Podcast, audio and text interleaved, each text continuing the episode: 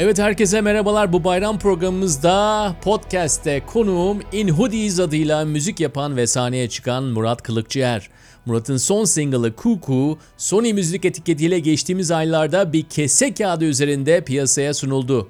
Kuku eğer Türkçe'ye çevirirsek zır deli anlamına gelebilir veya kafadan kontak. Birazdan şu an arka fonda çalan bu single'ın ve kese kağıdının da hikayesini dinleyeceksiniz. Ha burada inhodies.com adresinden video klibi izleyin ve single'la birlikte birçok sanatçı tarafından üretilen görsel işlere de bakın. Hem oldukça günceller hem de sıra dışılar. Evet, Murat'ı biraz tanıtayım. Bursa'da doğuyor ve büyüyor. İlk albümü A Lunar Maneuver 2016'da çıkıyor ve sonra da 2017'de aynı albüm Fox Trade etiketiyle İngiltere'de yayınlanıyor. Albümün yapımcılığını U2 ve Paul McCartney gibi isimlerle çalışan ve Richard Ashcroft ve The Verve'in albümlerinde yapımcısı olan Chris Potter üstleniyor. Aynı zamanda albümde çalışan müzisyenler arasında Ian Cooper, Stuart Hawkes ve Andy Baldwin gibi Grammy ödüllü isimler de var. Evet, Murat disiplinler arası çalışmayı çok seven bir insan ve değişik sanat alanlarından insanlarla işbirliği yapan bir insan. Oturduk Taksim'de konuştuk. Bence hem dürüst hem de çok cesur bir söyleşi oldu. Söyleşimizde bizim tabii kendi mahallemizden tekelci, seküler entelektüellere varan kuramsal konuları da konuştuk. Ama tabii podcastimizin gereği olan hepimizin hayatında var olan o kırılgan anlara gittik ve bu anların da anlamına dokunduk. Buyurun dinlemeye. Kuku şarkısını düşündüğüm zaman ve aynı zamanda klibini de görselleştirdiğim zaman eee, kelime anlamıyla tabii birçok anlamı var. Hı. Delilik, hı. eee, tatlı bir böyle kafasında bir tahta eksik de olabilir Hı ama tamamen zır delilik. Evet. İnsanlara zarar verici delilik tarafı da olabilir. Tabii klipte de şunu görüyoruz. Eee, Birçok yani yakın tarihimizden, dünya tarihinden bazı imajlar da var. İşte Çin'deki Bin- biz- 1988'deki o şeyden tuttu atom bombaları yani Hı hı. bir delilik var yani. Bir, yani o şarkının oluşumunda e, senin kafandakiler yani neydi? O, o, o taraf mıydı da? O toplumsal, toplumsal delilikler mi? Kişisel delilikler mi? Delilik mi? E, biraz hani benim sözcükleri seçmeden acaba sana Kuku hakkında bir soru Aha. sormak istiyorum. O şarkının gelişimi, onun Ya, yazılması. e, Evet evet aslında görsellerde ifade etmeye çalıştığımız şeylerle çok denk. Bir çeşit delilik olsa da bugün bulunduğumuz noktada çok etkili ama böyle tarihsel olarak fotoğrafını çektiğinizde gerçekten kaotik ve böyle saçma Na- nasıl insanlık bunu yapabiliyor ve nasıl bu devam edebiliyor bu şekilde dediğiniz görüntüler var. Ve şeyi görüyorsunuz. Aslında hepsinin insan elinden çıkma olduğunu, bütün bu kararların, bütün bütün bu yaşanan tarihsel süreçlerin sapma diyebileceğimiz hem iyi yönde hem kötü yönde pek çok olayın. Ee, Dolayısıyla bir toplumsal delilik e, tarihle ilişkilendirilen toplumsal delilik mutlaka var şarkının içinde. Sen nasıl yazdın bu şarkıyı? Orada da e, bireysel olarak şey duygusu oldu işte. Guguklu saatten çıkan o kuşun böyle aslında hiç o ortama ait değilmiş gibi işte bir saat boyunca mesela e, o saatin içinde ahşap kutunun içinde durması sonra guguk diye çıkıp böyle deli gibi bağırıp geri dönmesi ve insanlara e, o an zamanı hatırlatması sadece işte saat bu oldu deyip böyle hafif delice bir ses çıkartması ve geri dönmesi o o koku sesi e, etkilemişti kafamda o vardı. E, Yani etrafta deli- delilik var. Guguk kuşundaki kuş çıkıyor. Deliliğin üzerine ayrı bir delilikle yani yalnızca saati söylüyor belki. Guguk evet. diyor. Evet evet aynen o şekilde yani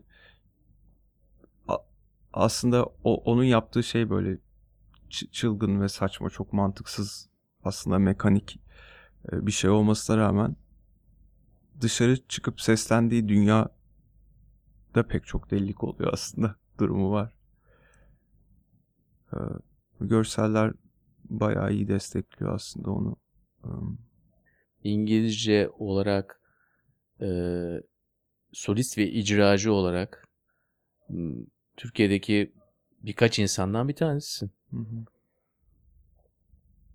Evet. Yani ben e, başka insanların yaptıkları şeylerden etkilenmemeye çalışıyorum ama mutlaka e, görüyorum ve e, benim için şeye neden oluyor sadece. Demek ki bunu böyle yapmamalıyız falan de- demeye neden oluyor ve böyle Tam çok olarak anlayamadım pardon. Biraz açar mısın? Yani çok e, dar bir zümre dediğin gibi e, bu şekilde müzik yapan insanlar burada. E, ve hani çoğunu mesafeli görüyorum.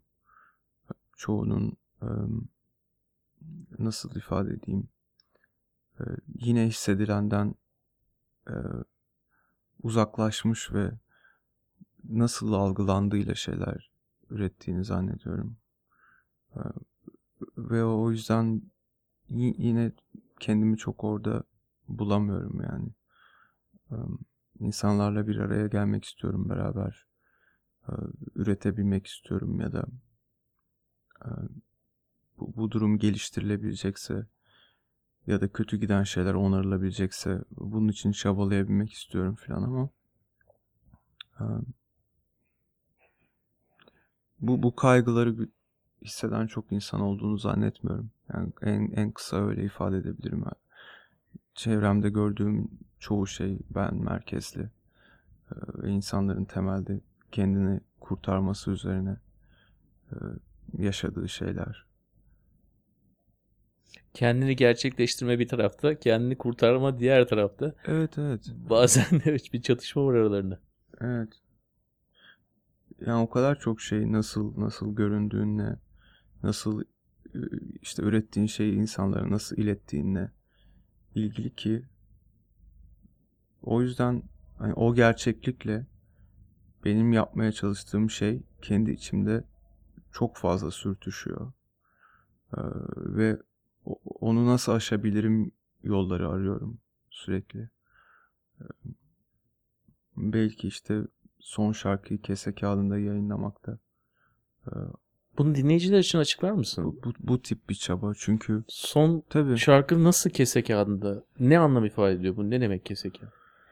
Eee, aslında benim için işte pek çok boyutu var. Bir tanesi bir tanesi tabii en en temeldekilerden bir tanesi çevreci kaygılar ve içinde yaşadığımız e, dünyanın gittiği yerle ilgili çoğu devam ettirdiğimiz sistemin e, hayat tercihlerimizin aslında böyle devam edersek sürdürülemez olduğu ile ilgiliydi. Ve e, müzik yayınlamanın işte fiziksel formların gitgide azalması ve insanların müziğin fiziksel ifadeleriyle e, bağlantılarının gitgide azalması üzerine düşünmekle ortaya çıktı. İşte bunda tabii streaming servislerinin, download'un e, ve aslında hepimizin bir şekilde işte küçük kulaklıklardan, cep telefonlarından bir şeyler dinliyor olmamızın e, orada yine hiçbir şeyin e, aramadan yine sadece insanlara tebliğ edilmesiyle bu alışkanlığın devam ettirilmesinin etkisi var. Yani işte playlistler, e, promote edilen işler, e, Paketlenmiş ve Evet, önüne evet. gelen, servis edilen bir tür restorandaki sipariş gibi önüne Evet, gelen şeyler. Aynen o şekilde. Bir, bir, bir tüketim zincirinin içerisine oturtulması. Bu, bu, bu nasıl farklı şekilde ifade edilebilir gibi düşüncelerle ortaya çıktı. O yüzden biraz daha insanların sokakta karşılaşabileceği ve biraz daha sokakla ilişkilendirilebilen bir şey olsun istedim. Hani hem Ne yaptın? Albümü fiziksel olarak kese kağıdında mı sararak Ha, o, yo olan şey şuydu. Albüm bir, bir single işte Koku isminde bir şarkı. Onun lirikleri ve bazı sloganvari cümlelerin olduğu bir kese kağıdı tasarlandı. Kese kağıdının arkasında bir download linki var. O download e, linkine girildiğinde şarkı için işte aşağı yukarı 20 insanın yaptığı görsel işlere ve tekstlere ulaşılıyor. Burada videolar, gifler, illüstrasyonlar ve başka kişilerle işbirliğiyle yaptığımız bir takım makineler var optik illüzyonlara dayalı. Ee, ama fiziksel form olarak e, bu bağlantı, o link kese kağıdında.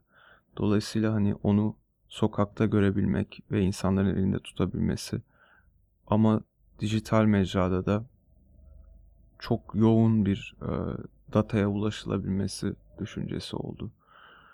E, yani aslında işte ilkokuldaki böyle havalı çocuklara bakıp e, ya tek yol bu olmamalı demekten çok farklı bir şey değil benim için. Yani bu yanlış. Ve hepimiz bunun içindeyiz. Hepimiz bu yanlışı destekliyoruz. Şimdi buna değiştirebilecek küçük de olsa bir şey olabilir mi düşüncesi. Long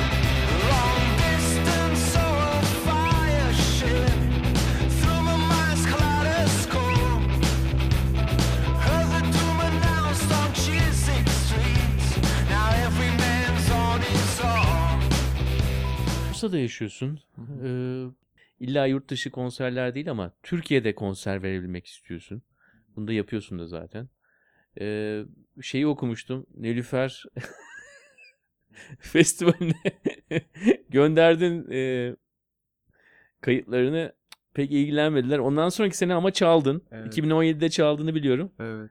Ee, 2016'da iyi göstermemişlerdi galiba. Hani lokal yaşadığın yerin festivalinde benim de bir katkıda bulundu, bulunayım diye böyle bir ne bileyim böyle iyi niyetle illa hani ulaşmak istediğim bir amaç değil de bunun parçası olabilirim ya gibi.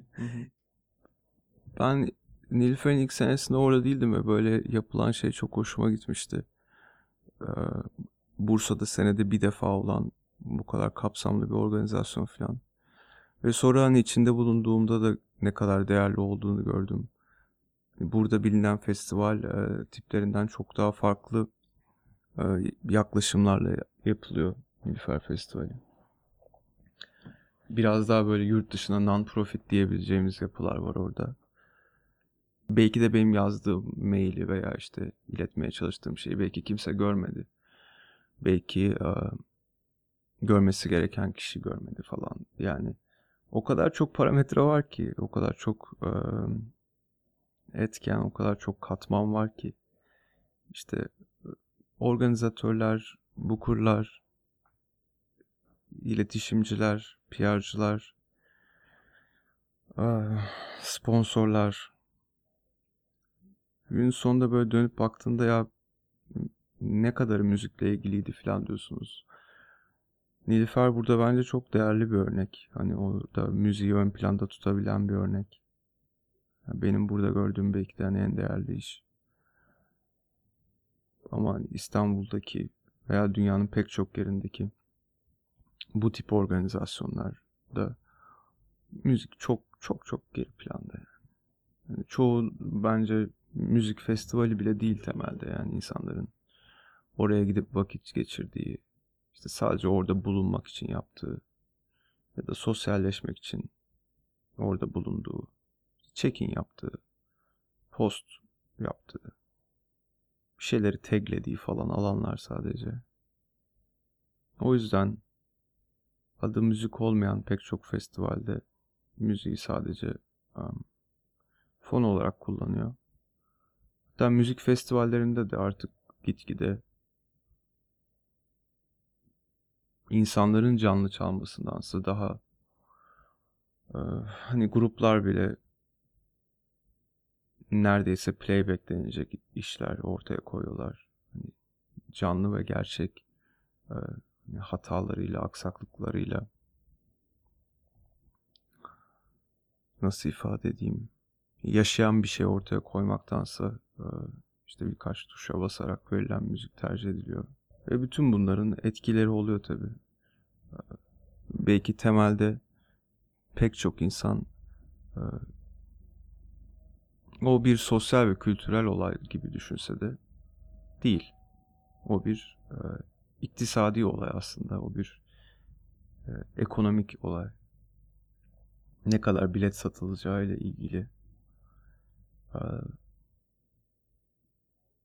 ne kadar bilet satıldığı, gelen insanın ne içtiği, ne kadar içtiği, ne paylaştığı. Firmalar bunlarla ilgileniyorlar daha çok. Ee, Yani sahnedeki insanın ne söylediği, ne hissettiğiyle veya ne hissettirdiğiyle falan değil. Ee, İşte temelde nitelikle değil, niceliksel şeylerle ilgileniyor. Evet birçok kuramsal konudan konuştuk. Ee, Biraz da seni e, ya bir gününe götürmek isterim. Yani bir şekilde bir bir günün nasıl geçiyor insanlar merak ediyordur. Bağımsız bir müzisyenin bu bu terim derim terim de biraz söylerken garip geldi şu ana bağımsız müzisyen. Yok bayağı bağımlı. Bağımlı diyorsun. Gerçekten. Neye bağımlı? konuştuğumuz şeylere işte görece olarak bağımsız falan gibi düşünebilir. Bağımsız müzisyen olmak herhalde sadece şey anlamında ifade ediyor şu an. Hani ürettiğin müziği istediğin gibi iletebiliyor musun? Buna müdahale eden insanlar var mı? O belki bir çeşit bağımsızlık ifade edebilir. Yoksa üç tane büyük konser alanı, birkaç tane festival olan, birkaç tane majör filmi olan, işte iki streaming servisinin insanlara müzik ilettiği başka şekilde insanlara müziği iletemediğim bir alanda bağımsızlıktan falan söz etmek çok zor. Bir tavır olarak devam ettirmeye çalıştığın bir şey olabilir. Hayır ben bunu böyle yapmak istemiyorum, ben bunu böyle sunmak istiyorum diyebiliyorsam o benim için değerli ve insanlar beraber çalıştığım firmalar buna karışmıyorlarsa bu benim için değerli ve o anlamda görece bir bağımsızlık olabilir. Yoksa o kadar çok şey işte sosyal etkileşimle ilgili ve o kadar çok şey neyin ne kadar ettiği ve ekonomik karşılığı ile ilgili ki hiçbir şey bağımsız değil tabii ki. Her yerde patronlar var. E, ve böyle sıkı sıkı tutuyorlar koltuklarını. Şöyle söyleyeyim yani çoğu kendini seküler gören, kendini öyle ifade eden ve böyle özgürlükçü demeçler veren, e, siyasi iktidarı eleştiren insanların da yaklaşımlarının iş yaparken yaklaşımlarının farklı olmadığını düşünüyorum. Yine hepsinin kendi konumlarını e, korumaya dayalı. Yine ben merkezi, tanıdıkçı, tayfacı, liyakate dayalı değil. E, daha çok hmm,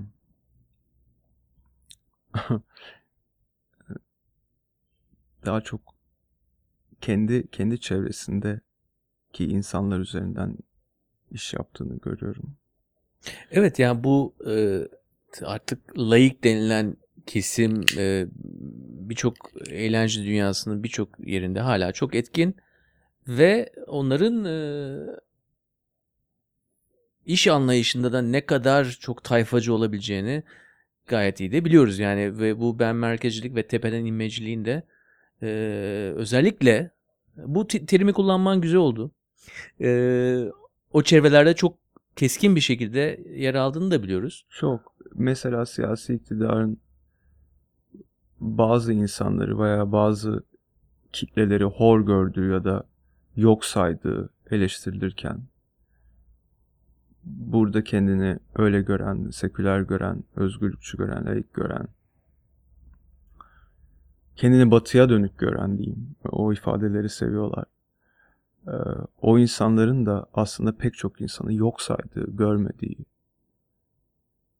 bence çok göz önünde. Yani kimsenin kimsenin demeyeyim genelleme yapmak çok yanlış olur. Böyle. Her genelleme mutlaka hatalı.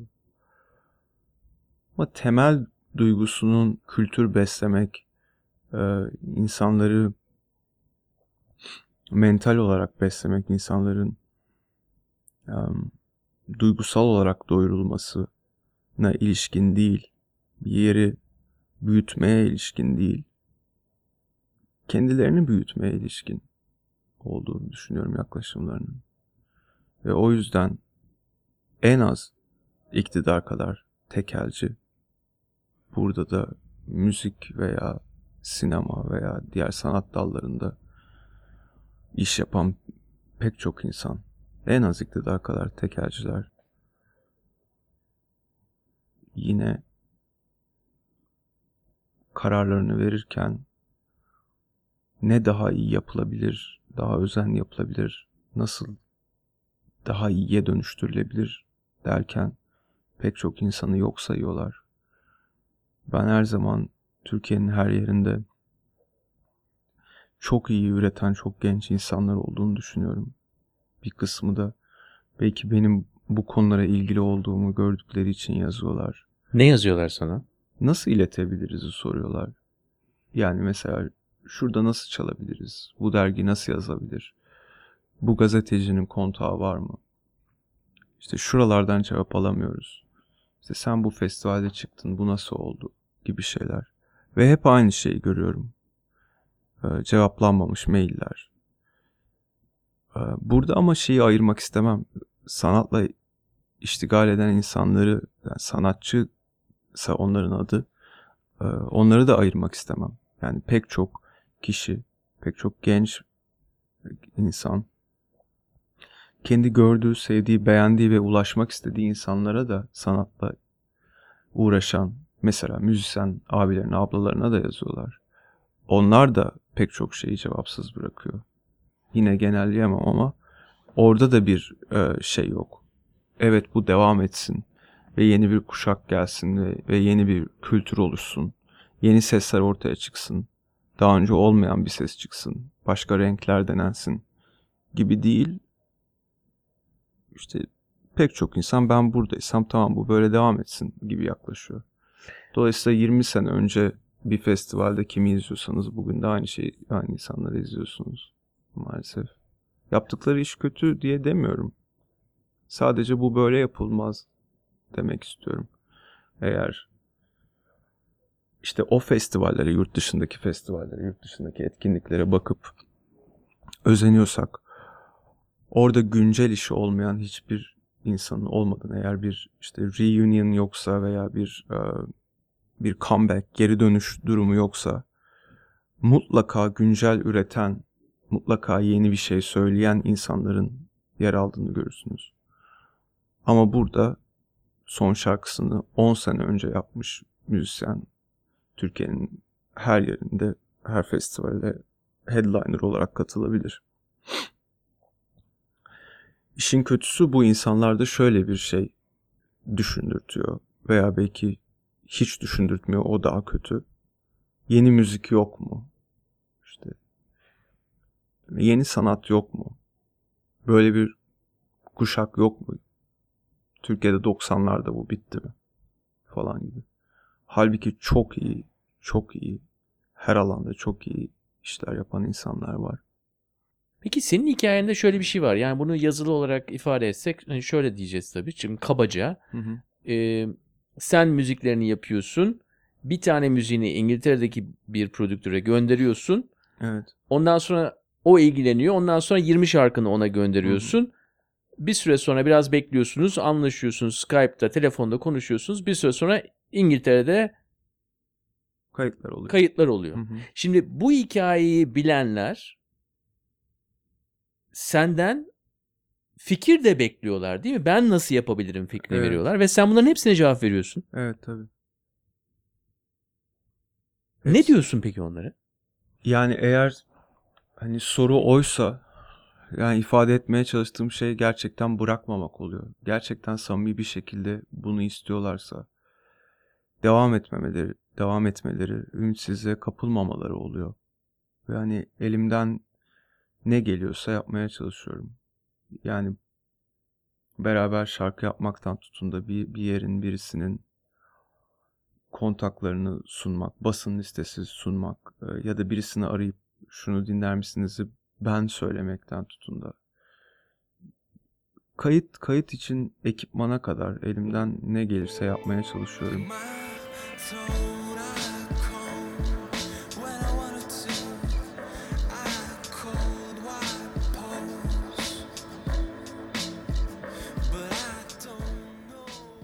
Bir şey soracağım.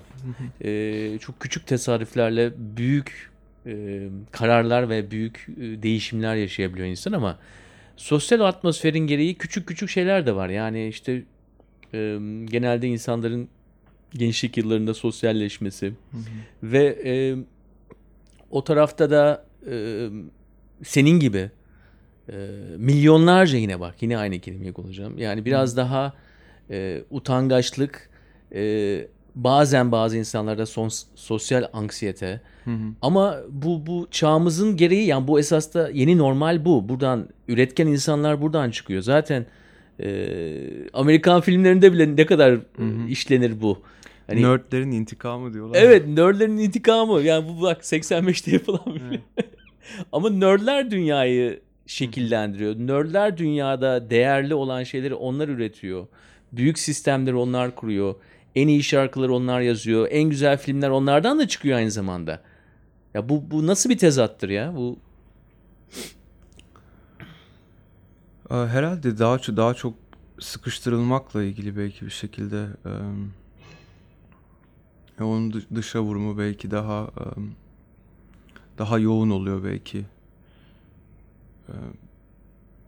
Etrafınızdaki çoğu çoğu kişi gibi işte genele baktığınızdaki sosyal çevrede kendine yer bulamayınca ya da kendini oraya koyamayınca Peki Başka sen uğraştın mı o gençlik çok pardon sözünü kestim ama Evet. sen uğraştın mı orada hani belli popüler grupların içerisinde çünkü bütün nerd filmlerinde de o vardır zaten. İlk başta denenir. Onun gereklerini yerine getirilebilir mi bir bakılır ama e, işte bazıları hüsranla sonuçları bazısı olmaz bazısı kendi bulamazsın yani o hareketlerin içerisinde bulamazsın. Tabii tabii. Evet evet orada işte şeyi söylemek çok zor. Ee, çoğu insan da söyleyemeyip başka daha büyük sorunlar yaşıyor. Ya ben bu değilim herhalde hani bu olmamak normal. Bu da olağan bir şey. Ee, diyebilmek önemli. Ben de ben de çok yaşadım. Yani çok geç yaşa kadar dış görünümün insanlar için ne kadar önemli olduğunu anlamamıştım mesela. Çok e, pek çok insana göre çok geç aynaya bakıp e, nasıl algılandığım üzerine düşündüm.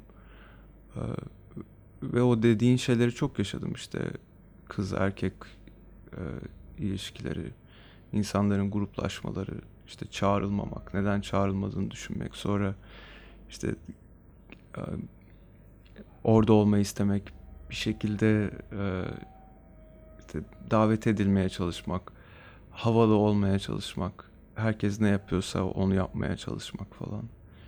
E, bu- Bunlar böyle bilmiyorum. Herhalde benim gibi insanların böyle çok içinden atabildiği şeyler değil.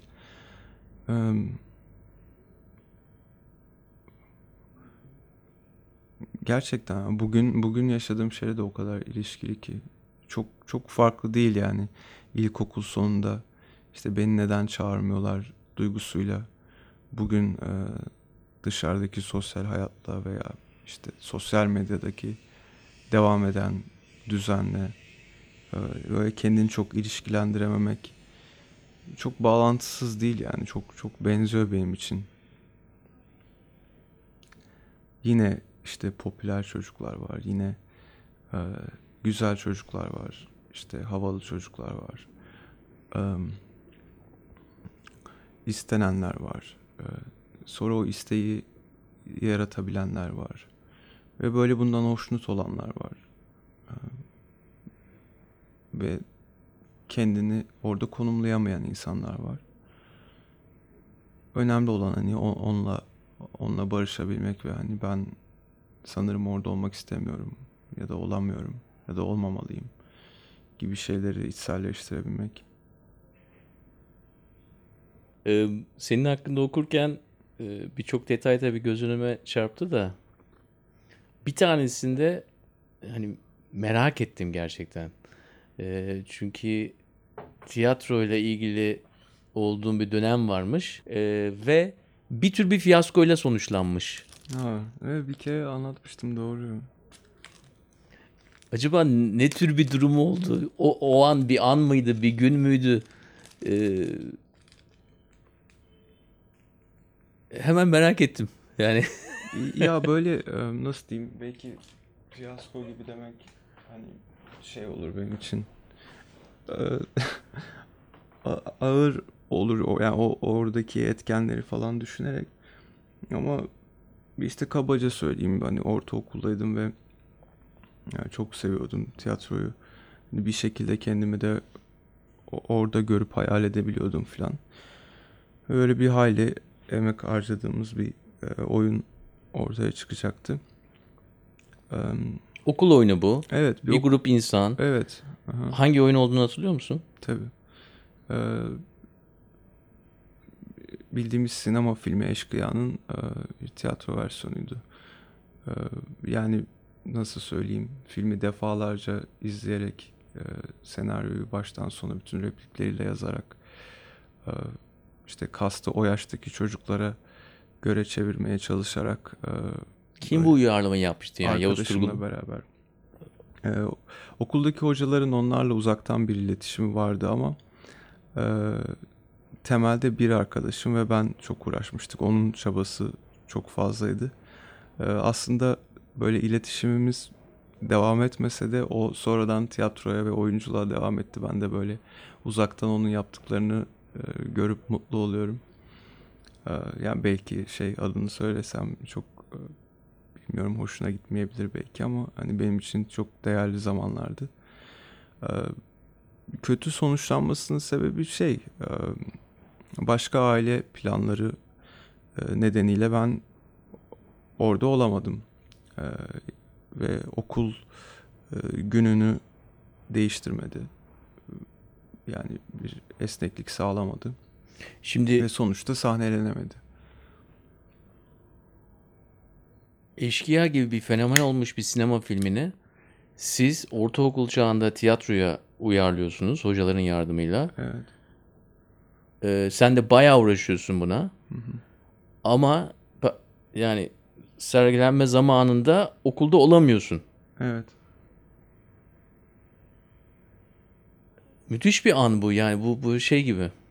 Çünkü ya ölümü vardı ailede mesela. Yok hayır. Ee, ama benim oradaki esas e, üzüntüm ve mahcubiyetim tabii ekipteki diğer insanlara karşı oldu. Yani çünkü herkes çok çabaladı ve çok hayal etti. En başta o bahsettiğim arkadaşım o Cumali'yi oynuyordu. Oynayacaktı. Ben e, Baran'ı oynuyordum.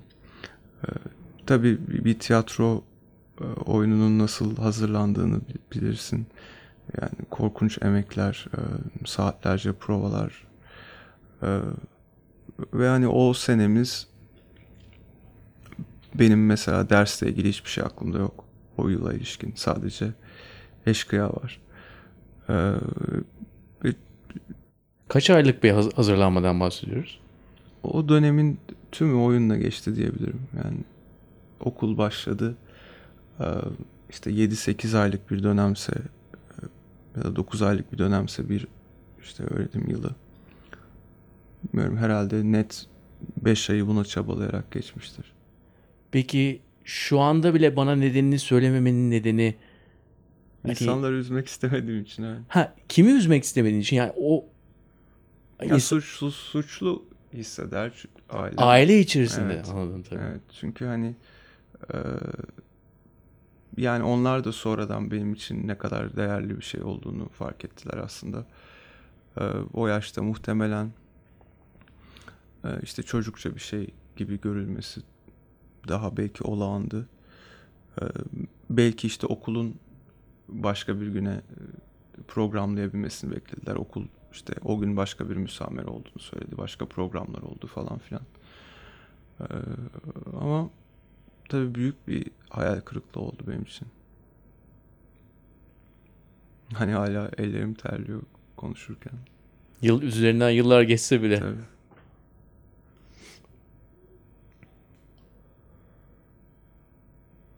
Müzikle ilgili bile ilk sahneye e, çıkışlarımda hep aklıma geliyordu oyun. Ve yani böyle son dakikada em, sorun çıkacağı duygusu ve em, bir şekilde olamayacak olması falan gibi korkular oluyordu hep. etkiliyor insanı. çok böyle nasıl diyeyim çok olumsuz konuşmak istemem ama em, çocukların hayallerine, isteklerine e, kulak vermek gerekiyor. Ama dediğim gibi e, ben devam edemedim ama e, o arkadaşım e, önce tiyatroda sonra sinemada işte şimdilerde televizyonda da sanırım işler yapıyor. Ben e, televizyonum yok çok göremiyorum ama hani bazen internetten e, karşıma çıktı oluyor. Çok çok başarılı oldu ve çok iyi işler yapıyor. Çok e, mutlu oluyorum. O günkü çabalarımızı hatırlıyorum filan. Ve onun için e, bir nasıl diyeyim geri adıma onda bir tutukluğa sebep olmadığını görmek çok mutlu ediyor beni. O çünkü o hayali devam ettirdi ve e, bir hayli özel işler ortaya çıkarttı, çıkartmaya devam ediyor. E, öyle. Belki de kamçalmıştır. Belki de hiç etkisi de olmamıştır. Hiçbir zaman bilemeyiz. Evet evet ama yani unutmadığından eminim herkes için e, bir hayli önemli anlardı.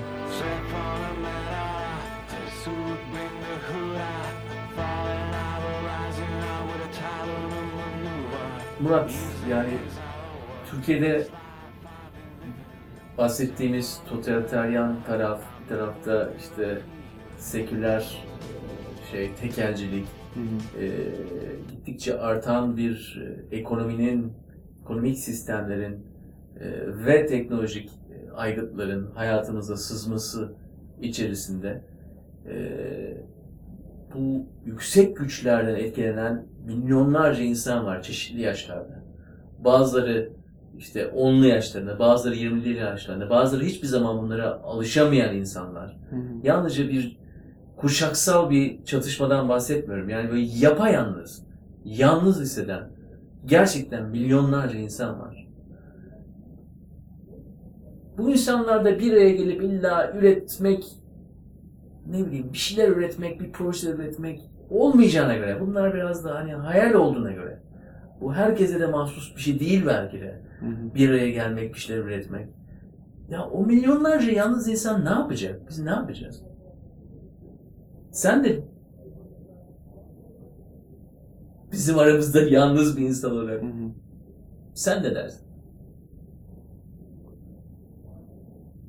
O kadar zor ki sanırım hayatın büyük bir bölümü onu nasıl yaşayacağını öğrenmekle geçiyor. Ama belki ilk konuştuğumuz şeye dönmek daha anlamlı geliyor. Bana böyle e, ne var hayatta? Kendini iyi hissettiren, kendini yaşıyor hissettiren. Onları bulup onlar için de yaşamak gerekiyor belki. Yoksa hiç kimse için bir formül yok yaşamanın. Hiç kimsenin kimseye öğretebileceği bir şey değil. Olsaydı da o formül veya kitap çok satmazdı muhtemelen. Yani çok korkunç şeyler var ama çok güzel şeyler de var.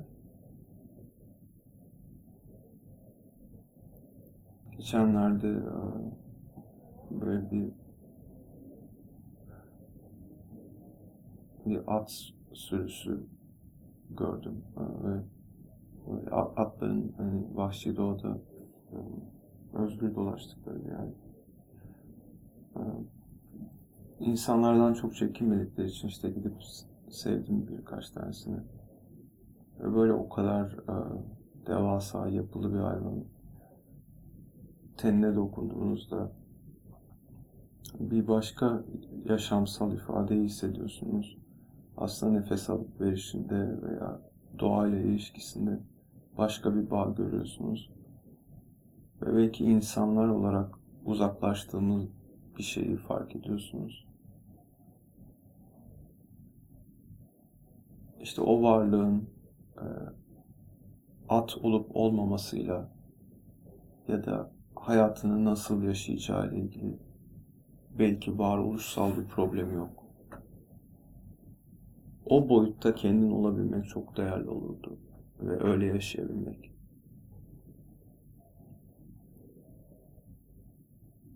Ben at veya ben neden atım, neden koşuyorum, neden e, işte burnumu diğer ata sürtüyorum, neden çimenleri yiyorum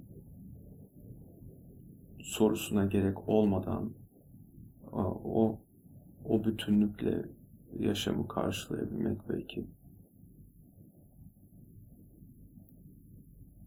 en en sade ifadesiyle de böyle yaşanabilir. Etkileyici görseller insanı insanı etkiliyor. İyi ki buradasın. İyi ki Bursa'dan geldin. Taksim'deyiz beraber. Çok teşekkür ederim. Benim için değerli oldu. Sadece yaşamak ve sadelikle yaşamak çoğu zaman uygulayamasak da bu ana kuralı böyle hissettiğimiz o anları paylaşmak ve çoğaltmak çok güzel. Murat'a da çok teşekkür ediyorum bu özel anları paylaştığı için.